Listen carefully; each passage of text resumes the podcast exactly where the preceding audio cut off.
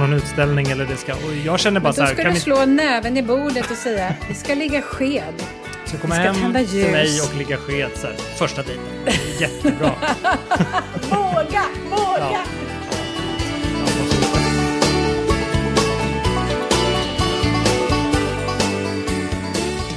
Jag är svettig Karin.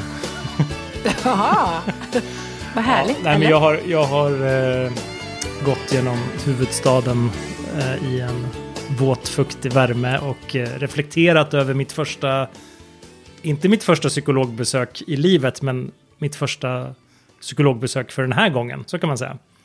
Ehm, så att, Mm. Var det eh, idag? Det var idag. Hur kändes det? Det kändes, när jag klev ut från, eller det kändes bra ska jag säga som grundkänsla, men när jag klev ut från eh, den här mottagningen då så kände jag så här, gud vilken privilegierad eh, lyxproblems väst medelklassmänniska jag är, kände jag. För när jag hörde mig själv liksom beskriva min problematik för den här psykologen och vad mina problem var och så här. Men också lite grann att att, eller jag kände väl innerst inne att det spelar ingen roll. Jag har ju, jag har ju så att säga, jag vet ju vad som är problemet, men, men också så här att jag mådde ju verkligen mycket, mycket sämre för bara, bara några veckor sedan. Så det gäller ju att också komma ihåg den känslan och kunna beskriva liksom vad var det som var jobbigt då och vad var det som, liksom, det är inte första gången i livet som jag har haft de känslorna. Och det är, väl, det är ju därför jag också har gått dit. Det är ju för att så här, som de flesta människor som går till en terapeut eller psykolog, att man, det är inte som att man vill hitta en två veckors lösning på någonting, utan det är ju något mer långsiktigt. Men det var lite känslan att både känslan att så här, vad skönt att jag har, har eh, tagit hjälp och kommit igång med det, men också den här känslan av att så här, ja, man har ju ett ganska okej liv där man ens har möjligheten att göra det, så att säga. Men jag tror att det är en del av... Det är en del av att vara människa också att... Och en del av det som både du och jag har problem med, att det här att tycka att man rättfärdiga Mm. Just där, men vem är jag att tycka att något är problem eller varför ska jag klaga? Varför ska vi ha den här podden? Det finns de som mår mycket värre. Mm. Alltså, man kan ju aldrig jämföra varken välmående eller när man inte mår bra. Jag tänker att det, det är ju fint att du tänker så, men det är inte relevant faktiskt. Nej, Och sen- ja. Jag ska inte säga att du har stora problem, lite så, men jag menar, du har ändå liksom funderat på de här sakerna länge, du känner att du står på en platå och inte vill komma fram. Och Ja. när jag hamnar i sådana här situationer, när jag kan känna, som går mycket i terapi och har gått, vad håller jag på med? Betala någon för att Mm. sitta och älta. Då är min genväg att tänka, jag gör det för barnen. Jag gör det för att bli mer stabil för dem. Sen Det är är det ju för mig tanke. själv såklart. Men, men jag tänker att, att det är ju för alla faktiskt också. Ja men verkligen. Och också, för, jag menar det är ju en sak hur det känns, alltså det har ju, ja, vi har ju pratat om det mycket också, men det är en sak hur dagsformen är, alltså hur man mår dag till dag, eller det, och det kan ju svänga snabbt. Men sen är det ju bara att titta bakåt på ens eget liv och titta liksom 20, under 20, 30, 40 år och titta så här, vad, vad finns det där för mönster och vad finns det där för saker som man känner att man liksom eh, återkommer till eller relationshistorik till exempel. Att man kan ju se både röda trådar, man kan också se så här enstaka händelser och så. Men, och det är väl där man känner att okej, men om man vill bryta vanor eller bryta mönster eller hitta nya vägar, liksom, må, oavsett vad de vägarna består av, liksom, så måste man ju göra någonting. Eller liksom ta till några slags verktyg.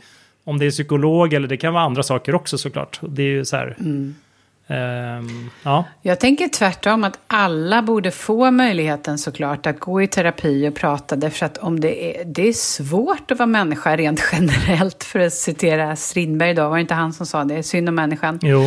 Men det är också i den här, i samhället nu, där allt sker så fruktansvärt snabbt. Och så, så ännu mer speciellt i den här skitpandemin där vi li- allihopa bara skramlar runt och undrar vad som ska hända i framtiden. Så tänker jag att ehm, visst, det är lyxigt att sådana som du och jag har möjlighet att gå i terapi. Eh, Men det är också så här, tänk, det är mer så här, åh vad man önskar att alla skulle kunna få det som vill det och behöver det. Mm.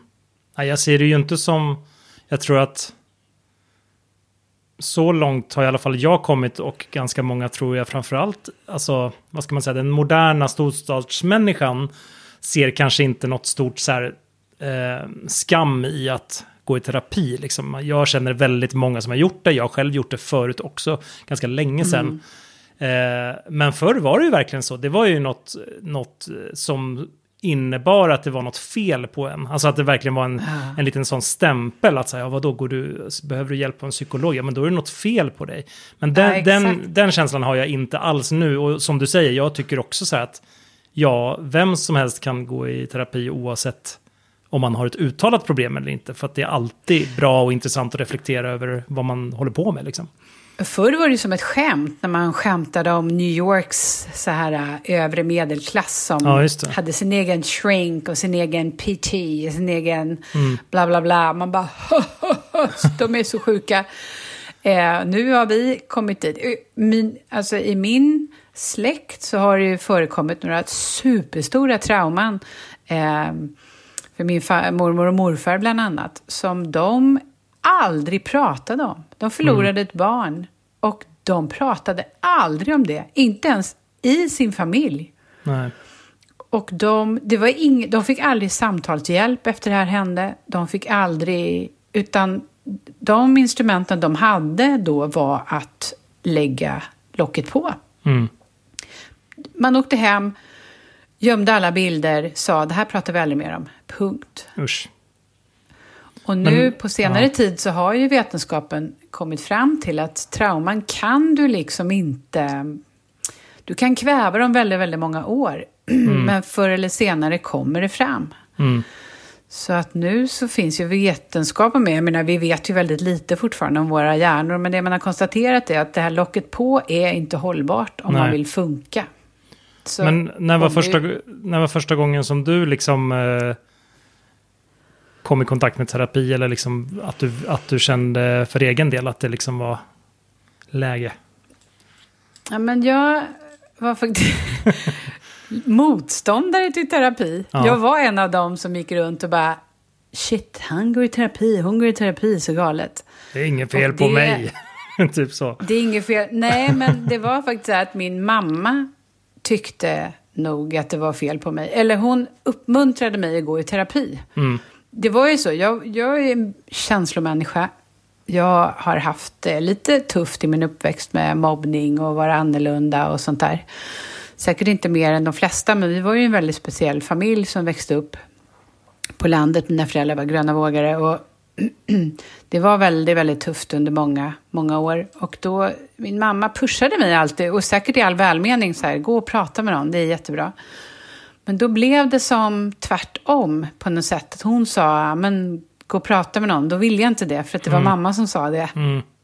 Superlöjligt. Vi har alltid haft en lite så här ja, men det är väl, relation. Ja, det är väl ganska vanligt, tänker att i alla fall en viss ålder. Alltså upp till, alltså när man är riktigt mm. liten, då gör man ju som, kanske som föräldrarna vill. Men, mm. men sen börjar man ju frigöra sig. Ja, det här var från liksom. tonåren liksom till... Ja. ja. Sen gick det många år och jag visste ju någonstans att jag reagerade kon, på kon, Jag kunde ibland tänka så här, oj, varför gjorde jag så? Mm. Till exempel i relationer så var det jättevanligt när jag träffade någon att jag varnade dem för mig själv. Så ytterst omoget. Genom att säga, jag varnar dig, det här kommer gå åt skogen för jag är ingen bra, ja, du kommer bli så besviken. Säger som, jag... Vad heter den där låten med Annika Norlin? Det kommer bara leda till något ont ändå. Typ. Vad heter den låten? Ja. Det är någon sån här, ja. ja, men jag kommer inte ihåg. Säkert men exakt. skivan. Ja. Som någon slags väldigt obearbetad del av att jag gillade inte mig och därför skulle ingen annan gilla mig. I alla fall, det gick en massa år. Jag blev mamma till en dotter. Jag blev mamma till en son väldigt tätt. Och då var det ju plötsligt då var det väldigt mycket som kom ifatt mig, kan man säga. Inte minst som när man har jobbat som barn så tror jag att det locket var lätt att lägga på när man blev vuxen och flyttade till storstan och levde ett liv i sus och dus. Men sen när jag fick barn, då blir det ju, det är ju, det går ju inte Då följer man sitt eget liv utifrån sitt barn. Man ser plötsligt, men gud, hon mm. var ju fem år, jag var fem år. Alltså, det blev ju helt det blev mm. helt ohållbart att äh, lägga locket på, så att säga. Så då började jag i terapi. Och det var ju en revolution. Jag vet att de första gångerna, och då pratar vi inte de första tre, du vet oftast har man så här, lära känna terapeuten. Ja, just det. De första tre gångerna. Nej, utan de, säkert de första tio satt jag och ljög för terapeuten och låtsades att jag var mycket, mycket bättre än vad jag var i princip. Ja, kul att vara här. Hur har du det? Ja, hur har du haft det? Och fint Men det är, ganska, det är ganska vanligt får jag känslan av att folk, just det här att man kommer in med garden uppe liksom och, och vill vara en bra, Ja. en bra klient åt terapeuten liksom. Vad nu det ska vara bra för, men ja. Ja, för det var i samband med min första utmattning som jag gick också. Och då var det ju väldigt mycket det här uh, duktig flicka och jag skulle prestera. Jag skulle prestera terapeuten också. Och precis som du kände när du gick ut idag så här, men gud, jag har ju aldrig vuxit upp i krig, jag har ingenting och varför sitter jag här? Och, Så att det tog säkert tio gånger innan jag vågade sänka garden och verkligen fundera på, eller vara ärlig helt enkelt. Sen, Och sen dess ja. har jag gått i terapi nästan jämt. I, alltså jag har uppehåll något år här och var, men testat lite olika terapiformer. Först så gick jag KBT. Men det är ju, eh, om man är en sån som vill prestera, så är inte KBT så bra. För på KBT kan man i princip prestera. Så då gick jag över med samma terapeut till schematerapi kan man säga. Och schematerapi är ett sätt att i princip ta reda på vilka mönster man har vilka scheman man följer utifrån sin uppväxt och barndom och sen försöka vara lite detektiv i sitt liv och fundera på varför gör jag de här grejerna nu? Jo, därför att jag följer det här jag har lärt mig. Ja, typ.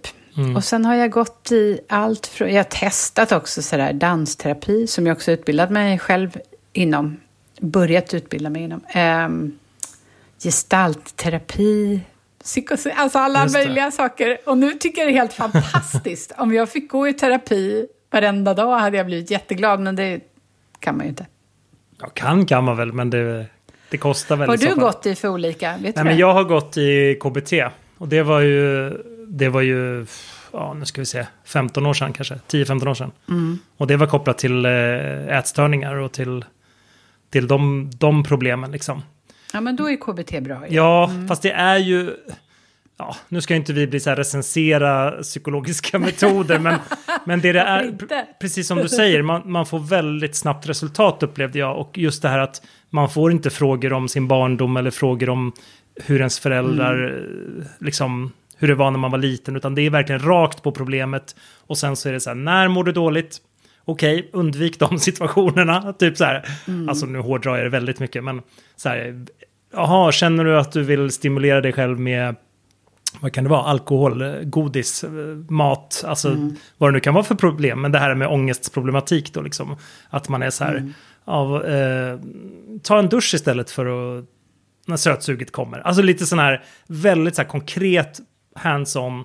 Men jag, och jag upplevde att jag fick jättestor hjälp, men att det ganska snabbt liksom föll tillbaka. Att jag liksom inte kom på djupet riktigt, utan jag liksom, jag lärde mig förstå så här, så här funkar din, din hjärna liksom. Och det, det har jag fått med mig resten, alltså sen dess liksom. Så det var ju väldigt lärorikt. Men, men jag kände att jag själv inte riktigt fick kon, den kontrollen att jag liksom eh, en gång för alla så att säga knäckte koden. Utan det var lite mer så här, okej, under något halvår år så där så tyckte jag att jag fick väldigt bra eh, liksom, blev mycket bättre. Och sen så kände jag att jag liksom gled tillbaka i gamla vanor och så här. Men det är väl lite som fysisk träning också, att så här, ja, du måste ju fortsätta med det. Du kan ju inte bara gå till PT tio gånger och sen tänka att det ska vara bra. Liksom. Det är väl samma sak med, med Men den ens vanligaste hjärna. kritiken jag får, alltså när jag pratar med folk som absolut inte vill gå i terapi, då är det just så här, jag orkar inte öppna det där locket. Nej, Och då tänker jag att det är ganska bra att veta om att man kan börja med KBT och titta lite. Och så, så kan man vänta tills man orkar öppna locket. För det är också så här, man ska ju ha ett vardagsliv också som ska funka. Och Ja, jag men hade ju aldrig precis. orkat öppna det locket när jag hade två små barn. Men det är ju det jag har gjort nu de senaste fem åren. Oh my god. när barnen har Och ja, jag- det, blivit äldre och liksom Ja. är självständiga. Så. Nu har jag börjat gräva i min barndom jättemycket och i verkligen så här, djupa psykodynamiska eh, sätt. Eh, och till och med har jag gått i sån här KPMLR, vad heter det? Nej, det heter inte. EMDR heter det. Ja, just det. Här, eye Mm. Ögonrörelse. Mm. Ja, precis. Och då är man ju verkligen inne i djupet och gräver. Och det är ju underbart nu för att jag kan och orkar. Mm. Det hade ju inte varit det när jag började, när jag var 35. Nej. Men går du in i nästa nivå nu då? Det här är inte KBT? Det här är... Det kanske du inte vill prata om? Nej, eller... Hon som jag går till har flera metoder tror jag. Så jag tror att vi kommer, precis som du sa, man kommer ju ha några inledande möten här och liksom helt enkelt mm, göra en liten plan framåt hur det ska bli. Så att jag ska inte... Men, jag, men just det där med ögonrörelsegrejerna jag läst om också. Det är ju väldigt spännande. Men det är så här, Jag läste en artikel som var typ så här.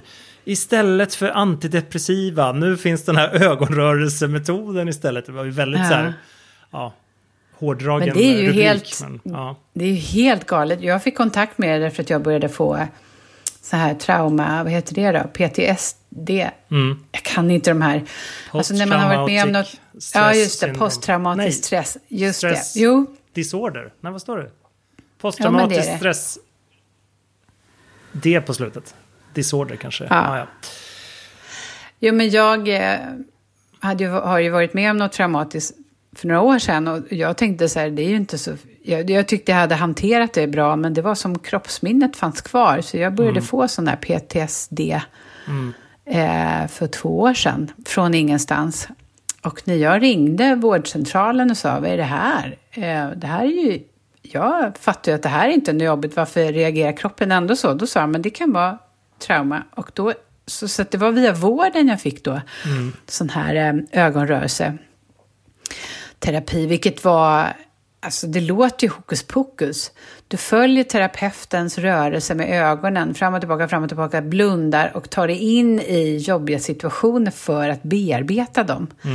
Bara det låter ju som, alltså har man varit med om riktiga trauman så är det ju ingenting man vill in i. Men det konstiga är att det blir extremt effektivt. Alltså man kan ju egentligen ta sig in i varenda ångestgrej man håller på med och bearbeta. Även relationer, alltså, eller kärleksrelationer eller eh, vad som helst. Sömn, ja. Men när Nu ska du har... inte sitta och göra reklam för det, men det var ju, jag var Det här, helt du blown det? away. Mm. blir sån här influencer för den metoden. Liksom. Och börja sälja den. Men har du... Terapi-influencer, det är mitt mål. Ja. Nej, men när du har eh, haft... Eh, jag tänkte på det här när man har en partner och samtidigt går i terapi, hur mycket man involverar den i processen. För det kan ju alltid vara... Ibland kan det ju vara så att man går i, man går i terapi när man är singel. För att, ja men som jag nu då, liksom, för att jag tänker så här, men det, det kommer gynna mig i, i, i en framtida relation. Samtidigt så kan det vara bra att ha en relation att så att säga testa verktygen på, eller att se, alltså helt enkelt undersöka och se förändringar och liksom ändra, se respons och sådär. Då är det ju bra att faktiskt vara med någon, för då har man på något sätt en spegel där man märker det i, i vardagen. Liksom. Hur har det varit för dig? För du har ju ändå haft relationer under, under den tiden du har varit i terapi. ja. Liksom. Ja, men senaste terapeuten så sa jag just det. Då hade jag precis träffat Anders och sa, men gud, jag måste bli frisk först. Eh, Jag måste kunna lära mig om kärlek och relationer innan jag skaffar en relation. Och då sa hon, hur ska du lära dig att bli bra på relationer singel då, hade du tänkt? Ja, just det. Och det hade hon ju poäng i faktiskt. Men vårt problem var ju att när jag träffade Anders så hade han aldrig någonsin gått i terapi alls. Han hade, ehm, ett, om man ska hårdra det så behöver väl alla gå i terapi någon gång. Men han, problemet blev då, han hade inget emot att jag gjorde det, men problemet blev att han inte hade det språket. Nej, det. Han hade inte ord för. Så när jag berättade, ja men det här kan bero på det och jag tror att så här, så förstod han inte vad jag pratade om.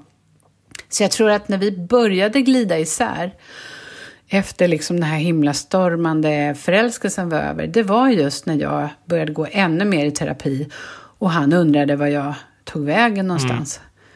Och det är faktiskt många som säger det också, eh, till och med terapeuter har sagt att ja men du måste inkludera din partner på något sätt för annars så blir du en ny person och han blir det inte. Ja, precis. Du, man Jag drar tror att iväg e- och förändras själv. Liksom. Ja. Jag tror att en av orsakerna till att vi är tillsammans nu och hittar varandra och kan prata så bra igen, det är ju att han faktiskt har börjat i terapi också. och förstår nu vad jag pratar om på ett helt annat sätt. Och förstår sig själv också och sådär. Mm. Och på det sättet så blir ju jag, som är lite krånglig i, i grunden, blir ju ännu mer krånglig. För att jag håller ju på med min personliga utvecklingsresa som är ganska, eh, jag ska inte säga avancerad, klurig. Mm. Mycket handlar ju om liksom vad jag håller på med inuti huvudet. Mm. Och det är klart att det måste man ju för det första inte vara rädd för och för andra tycka var intressant och själv vilja hänga med på den här självutvecklingsresan. Jag vet att jag skrev det faktiskt när jag var på datingappar här i våras så skrev jag så här, otroligt intresserad av personlig utveckling. Mm. Och det upplevde jag kanske, det var många som frågade så här, vadå, vad håller du på med? Det fanns någon rädsla i det här hos män. Okay. Vilket är helt okej, okay, jag kan förstå det. Men eh, ja. jag tror att man måste vara på den resan ihop på något sätt. Ja, det finns väl inget som kan vara dåligt med det tänker jag. Men ja. Jo, men man måste vilja båda två. Jo, en klart. kan inte ha locket på, den andra öppnar och gräver långt ner i, i liksom lådorna och säger vad har jag här? Men med det sagt då Fredrik, så tycker jag om det är så att du träffar någon nu när du går mm. i terapi så är det bara bra. För de allra flesta håller ju faktiskt på och gräver i sitt inre i vår ålder, upplever jag i alla fall. Ja, precis. Med eller utan terapi så, att säga, så håller man ju på och gräver. ja, ja, jag är ju en sån som alltid har grävt liksom, i samspel med vänner. Och, alltså, jag har alltid tyckt om att prata om, om liksom ens ja, relationer och, och, prata om hur man funkar och sådär. Så att det är liksom den delen av ens liv är ju ändå närvarande hela tiden. Och det är väl kanske det som också gör att vi har den här podden och lite sådär. Alltså det blir ju sådana, uh. uppstår ju sånt. Men du, jag tycker, ja. det är, jag tycker det är häftigt nu med, men jag har ju varit så här, och jag, och jag förstår att det här låter jättefånigt för många som har varit singlar i tio år. Jag var singel i åtta månader. Men då vill jag bara säga till mitt eget försvar att de här åtta månaderna var ändå åtta månader ut i, under också en pandemi. Ja, utan jobb, utan liksom någonting annat, bara ensam hemma. Att det, utan um, sammanhang, utan att kunna träffa kompisar. Så jag tycker att jag ändå blev väldigt, väldigt singel under de här åtta månaderna. Det var en crash course i att vara singel liksom? Ja, men lite grann. Mm. Det jag tänkt på jag fick den känslan häromdagen. Jag satt hemma hos honom och han satt och jobbade och jag satt i soffan och så tänkte jag så här, fick jag bara en stark känsla av att jag är så himla fri. Mm. Jag kände mig så himla fri. Och så tänkte jag, vad konstigt, för att det är ju, man är ju fri när man är singel. Man är ju inte fri i en relation. Eller och det ska jag inte säga att andra sagt, men jag har nog fått den bilden. För det var det, och det i och för sig, många sa det till mig nu när jag blev singel också. Singel och fri, du kan göra vad mm. som helst. Wee, självförverkligande. Gör vad du vill, crazy crazy, upp och ner. Du är dina bästa år, du kan göra... amen. Jag kände mig aldrig fri som singel. Tvärtom, Nej. jag kände mig ganska... Jag kände mig ganska insnärjd i eh, att inte riktigt veta hur jag skulle hantera... Ja, men insnärjd i ensamheten. Jag mm. känner mig väldigt ensam.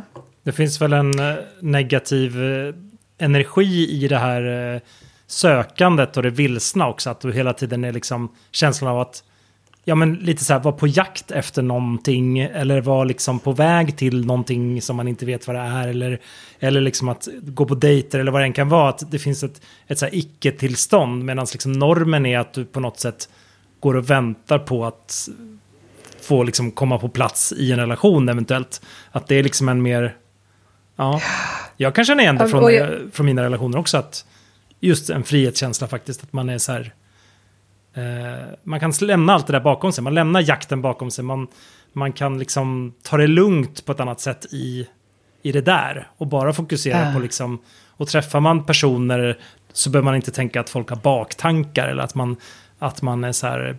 Ja men du vet, flörtar med någon eller... Alltså utan allting är så här. Nej, men jag exakt. har ju min partner och vi är ihop och liksom... Ja. Också friheten i att jag upplevde att när jag var ute på dejtingsajter och så, så, så här, att jag behövde vara lite snygg på mitt Instagram. Lite, ja. Alltså jag håller på med ganska tokiga saker. Jag älskar att skämta och hålla på med grejer. Eh, som så, så att säga. Ja, men att folk kanske inte tycker så här, åh vilken sexig härlig tjej. Utan jag vet att jag framstår så knasig och det krävs ju lite för att tycka att det är okej. Och då kände jag så här, jag började, ja, men jag kände, märkte att jag anpassade mig lite, jag sa inte vad som helst, jag gjorde inte vad som helst. Men känslan nu att vara i en relation där man vet att man är så himla älskad. Mm. Han älskar mig, hur mycket knas jag än håller på med. Mm. Den här podden, att jag pratar om oss, älskar det.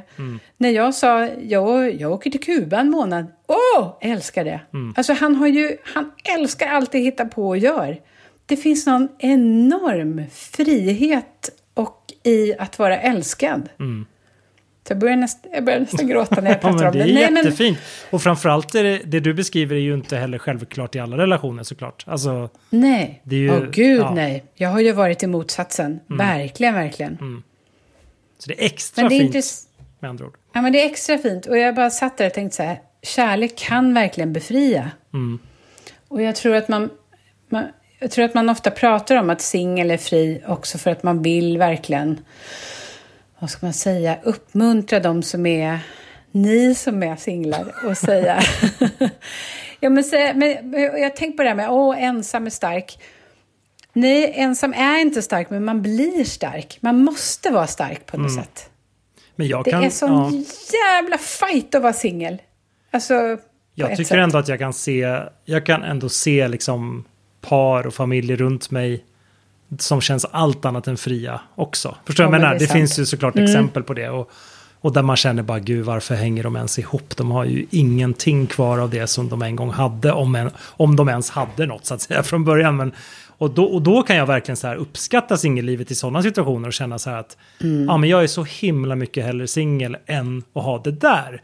Men så, så kan jag ju se, like, ungefär som att jag kan se det du berättar med dig och Anders och tänka så här, ja gud det där vore ju härligt att ha och den känslan vore ju härligt att ha. Och den friheten och den liksom upplevelsen av att vara liksom i synk någonstans. Så det är väl det också, att man känner att så här, när, när det är bra så är det, Det ju kanske det det handlar om liksom. istället. Ja, Ja, jag vet inte. det kanske är det. Nej, jag har bara tänkt mycket på det här. Och jag tänkte just på att det var så många som pratade med mig om det här. Åh, du är fri, du kan göra vad som helst, Mm, ensam är stark. Och så kände jag så här. Jag vill inte säga att tvåsamhet är grejen, absolut inte. Men jag tänker att det är egentligen mycket enklare att vara två. Mm. Alltså det är lite lätta vägen. Är man singel, för man får jobba, man får stå Mm. upp för det man liksom, det blir så mycket mer. Ja, men du har ju rätt i att... För att det är inte normen. Ja. Nej, men själv, och, och liksom, du har ju rätt i att självbevarelsedriften gör ju att man liksom måste vara... Ja, liksom tänka så om sig själv också. Att man är fri Ja. och singel och tillgänglig och, och också så här, och det gör man ju all rätt i. Det är klart att man ska, det är klart att man ska fokusera på det som är bra då när man är singel. Alltså att du utnyttjar det och liksom göra sådana saker som man kanske inte hade kunnat gjort när man var i en relation eller vad det nu kan vara. Alltså sådär, för att jag menar, det, det, ju, ja, det vore ju väldigt dumt om man bara liksom släckte ljuset och, och satt och väntade på en bättre morgondag också. Så det är ju liksom så här, man, man skapar väl den sanning om sig själv som man som passar för tillfället, höll jag på att säga. Att man är så här, ja men just nu så, så känns det bra att liksom vara i den singelrollen liksom. Och sen tror jag att jag faktiskt har levt hela mitt liv med tanken att jag är ensam och stark. Även om jag är i en relation. Mm. Så att med, med, jag tror att det är första gången i hela mitt liv jag börjar närma mig någon slags eh, riktig tvåsamhet. Där jag är en egen person och han är en egen person. Och vi två har någonting tillsammans men att vi är självständiga var för sig. Jag tror aldrig jag varit det innan. Jag tror att det är... Vad är eh, knepet nu för att behålla den här känslan då, tänker jag? Du, alltså det är ju en stor utmaning faktiskt. Eh, mycket underlättas ju för att vi bara ses varannan vecka. Ja, och för att jag vill ha det så. För att Ja. jag vill inte slå ihop familjer och jag vill inte bo ihop och så. Nej. Det är ju alltid enklare. Mm. Det hade blivit svårt att flytta ihop och... och Jag tycker att det verkar vara, alltså om man har ekonomin för det så tycker jag att det verkar vara, framförallt när man träffas så att säga med barn på varsitt Mm. håll och, eller, och också med vuxna barn, att så här, även, även Mm. om barnen skulle ha flyttat hemifrån, att så här, man måste inte vara sambo liksom. Det är inte ha sitt ens- eget. Ja. ha Men jag får återkomma i den ekonomiska frågan. För det är ju Ja. inte så att scenerna har öppnat. Utan Nej, nej. Ja. det är ju... ser snålt ut på den fronten i höst. Men du, en helt annan sak. Mm. Eh, jag följer en massa så här dating-experter. Det är roligt hur man är dating-expert. Det. Jag förstår inte riktigt eh, hur eh, Hur blir man CVn det? ser ut där. Vart skriver Ja. jag på någonstans? Nej. Har man blivit det för att man har dejtat massor? För att man träffat den rätta på en gång? För att man har varit singel mycket? Jag förstår inte. Men i alla fall, då skrev hon så här. Alla vet att det är lättare att träffa någon under hösten. Kanske bli, ja, det kanske är lättare att bli ihop under hösten. Men Hur, på, varför då? nej, men jag tänker så här, på våren tänkte jag annars är så här, då är det ju så här förälskelsens tid och man liksom, men då kanske det är mer det här flörtiga tillfälliga sommarromanserna. Medan på hösten så kanske det blir det här att, men nu vill jag bygga bo, nu vill jag sätta ner pålarna och träffa någon som lite mer seriöst. Nu vill jag sparka i löven och byta hattar Ja, och vara så här romantisk som det bara kan vara i en Ja. romcom. Nej, men vad är det? Alltså, finns det ens årstider? Det är, det är liksom lättare att... Men jag tänker hösten är en sån där tid när du har ingen, du har ingen högtidsstress. Julstressen har inte kommit. Sommarsemesterstressen finns inte där som på våren. Och att det är liksom en liten sån här mellanperiod när folk liksom bara jobbar på och det händer inte så mycket annat utan det från liksom augusti, september fram till november så är det ju bara ja, så här, industrin går på högvarv, liksom alla jobbar som besatta. Och då finns det... Industrin! Ja men du fattar, det finns liksom, Ja. det är inte så här så på våren, det är ju massa helgdagar och det är små, det är sportlov och påsklov och det är Kristi himmelfärd och det är pingst och det är alltså sådär. Medan hösten är så Mm. här, ja det finns ett höstlov om man går i skolan, men i övrigt så är det ju nästan helt så Kan man här, lika gärna bli ihop med någon? Eller vadå? Ja men det finns också ett lugn kanske i tillvaron, där du har tid Mm. att dejta och tid att, att liksom lägga på att, nu, alltså, jag killgissar verkligen bara rakt ut här, men jag tänker att så här, och personligen skulle jag ju känna att jag bara så här, åh vad skönt att få ta på sig kläder och inte behöva visa ens kropp mot folk. Utan man kan så här, sitta och mysa på ett fik eller på, i en bar utan att så här, Med behöva, tända ljus. med tända Ja. ljus utan att behöva exponera ens eh, skavanker för någon annan liksom. Men då... Och, och sen precis i samma veva hörde jag en låt av Ted Gärdestad där en av stroferna är liksom Ingen vill vara ensam när det är höst. Jaha. Så det blir bara så himla... Och det skulle jag nog kunna tänka mig i så fall att det är kanske inte lättare att träffa någon men att just man vill mysa med någon under hösten. Mm, verkligen. Men om man skulle sortera ut det då så, så vår vill man vara singel. Sommar vill man ha en tillfällig flört. Ja. Höst vill man ha en relation. Och vinter då? Nej, höst vill man bli ihop. Och på Ja, jul så vill man ha en relation. Just det. Och på vår vill man göra slut och vara singel igen. Ja, precis. och sen har man en romans på sommaren fyra som sen årstid- blir... Dejternas fyra årstider. Eller vad säger man? Relationer, Relationernas fyra årstider. Ja, just det. Mm. Och vad gäller då för mig nu som kanske ska ha en relation här? Ja, Kanske ska, det hör ju vad övertygad jag är. kanske ska ha. Du kommer- har ju ägnat hela podden åt att prata om hur fantastiskt det är i, i relationen. Som har en relation. Vad Ja. gäller för mig? Ja, nej men eh, ja, det är väl... eh, Ja, jag tycker att det låter jättemysigt att bara kura ihop sig och mysa och eh, dricka vin och eh, kolla Netflix. Och så inte behöva skämmas över det heller. Inte det här liksom, ah, man borde ju egentligen hitta på någonting. Det säger, Nej, det säger det, man ju inte en novemberkväll liksom. Utan man går ju Nej, bara hem och bara sätter sig och bara, nej men det här, det var den dagen. Nu är det, det är mörkt vid halv sex eller på att säga. Och så bara, det är så här, på sommaren hade man ju bara, ja men då efter middagen, då har vi ju två, tre timmar till vi kan göra saker och sticka ut och hitta på något. Men är det inte så då? Vi som har pratat så mycket om att man har så mycket krav på andra, man har så mycket krav på dem man ska träffa, man har så höga liksom, förväntningar. Allt det kanske bara läggs åt sidan på hösten. Så att under hösten är vi kanske som vi borde vara hela året. Vi träffar någon att mysa med och så får man se vad som händer. Ja men det tycker jag, när vi har haft som här, vet du det, ja men så här, in between, alltså KK-relationer, allt sånt där, att man känner liksom att, ja för mig kan det vara så att det börjar i, först kan jag vara så här, jag vill inte träffa någon nu, om man säger att det precis har tagit slut med någon då. Så första känslan är så här, nej men jag vill absolut inte träffa någon nu alls först. Och sen den första känslan som kommer efter det är ju myskänslan. Myset. Jag är lite så här, "Åh, man ska, ja, det skulle ju ändå vara mysigt att liksom lig, ligga bredvid någon i soffan och sådär. Alltså liksom, och fysisk närhet saknar man jättemycket. Och det behöver inte handla om sex då, utan det handlar ju bara om så här, att vara fysiskt nära en annan människa. Det har ju, Skeden. Ja, och coronakrisen har ju också så här gjort det ännu värre då när man är singel. Så, här, så kände jag i våras att så här, gud vad jag inte orkar liksom ge mig in i en relation. Men gud, men gud vad jag saknar att så här, ligga i soffan och mysa med en person och bara kolla, mm. kolla någon film. Liksom. Och, och mm. verkligen så här, ja, det får gärna stanna där, lite den känslan.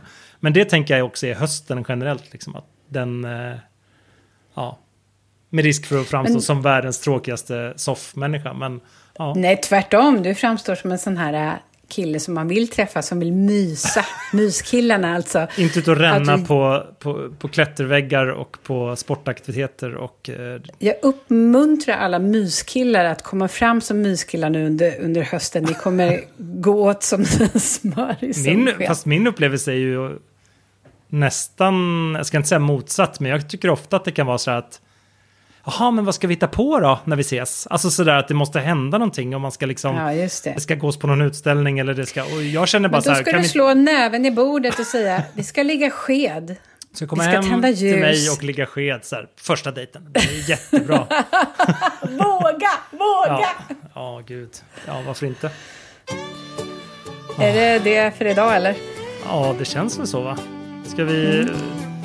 runda av? Vi, vi, vi har ju liksom grävt i oss själva som vanligt. Det känns som att vi mm. gör skäl för namnet Datinghaveriet eftersom ingen av oss pratar ja. om dejter specifikt sen, sen sist. Att säga. Och många har ju frågat, kommer vi sluta nu när jag har en relation? Nej, det finns all möjlighet för nya haverier. Lovar, jag lovar.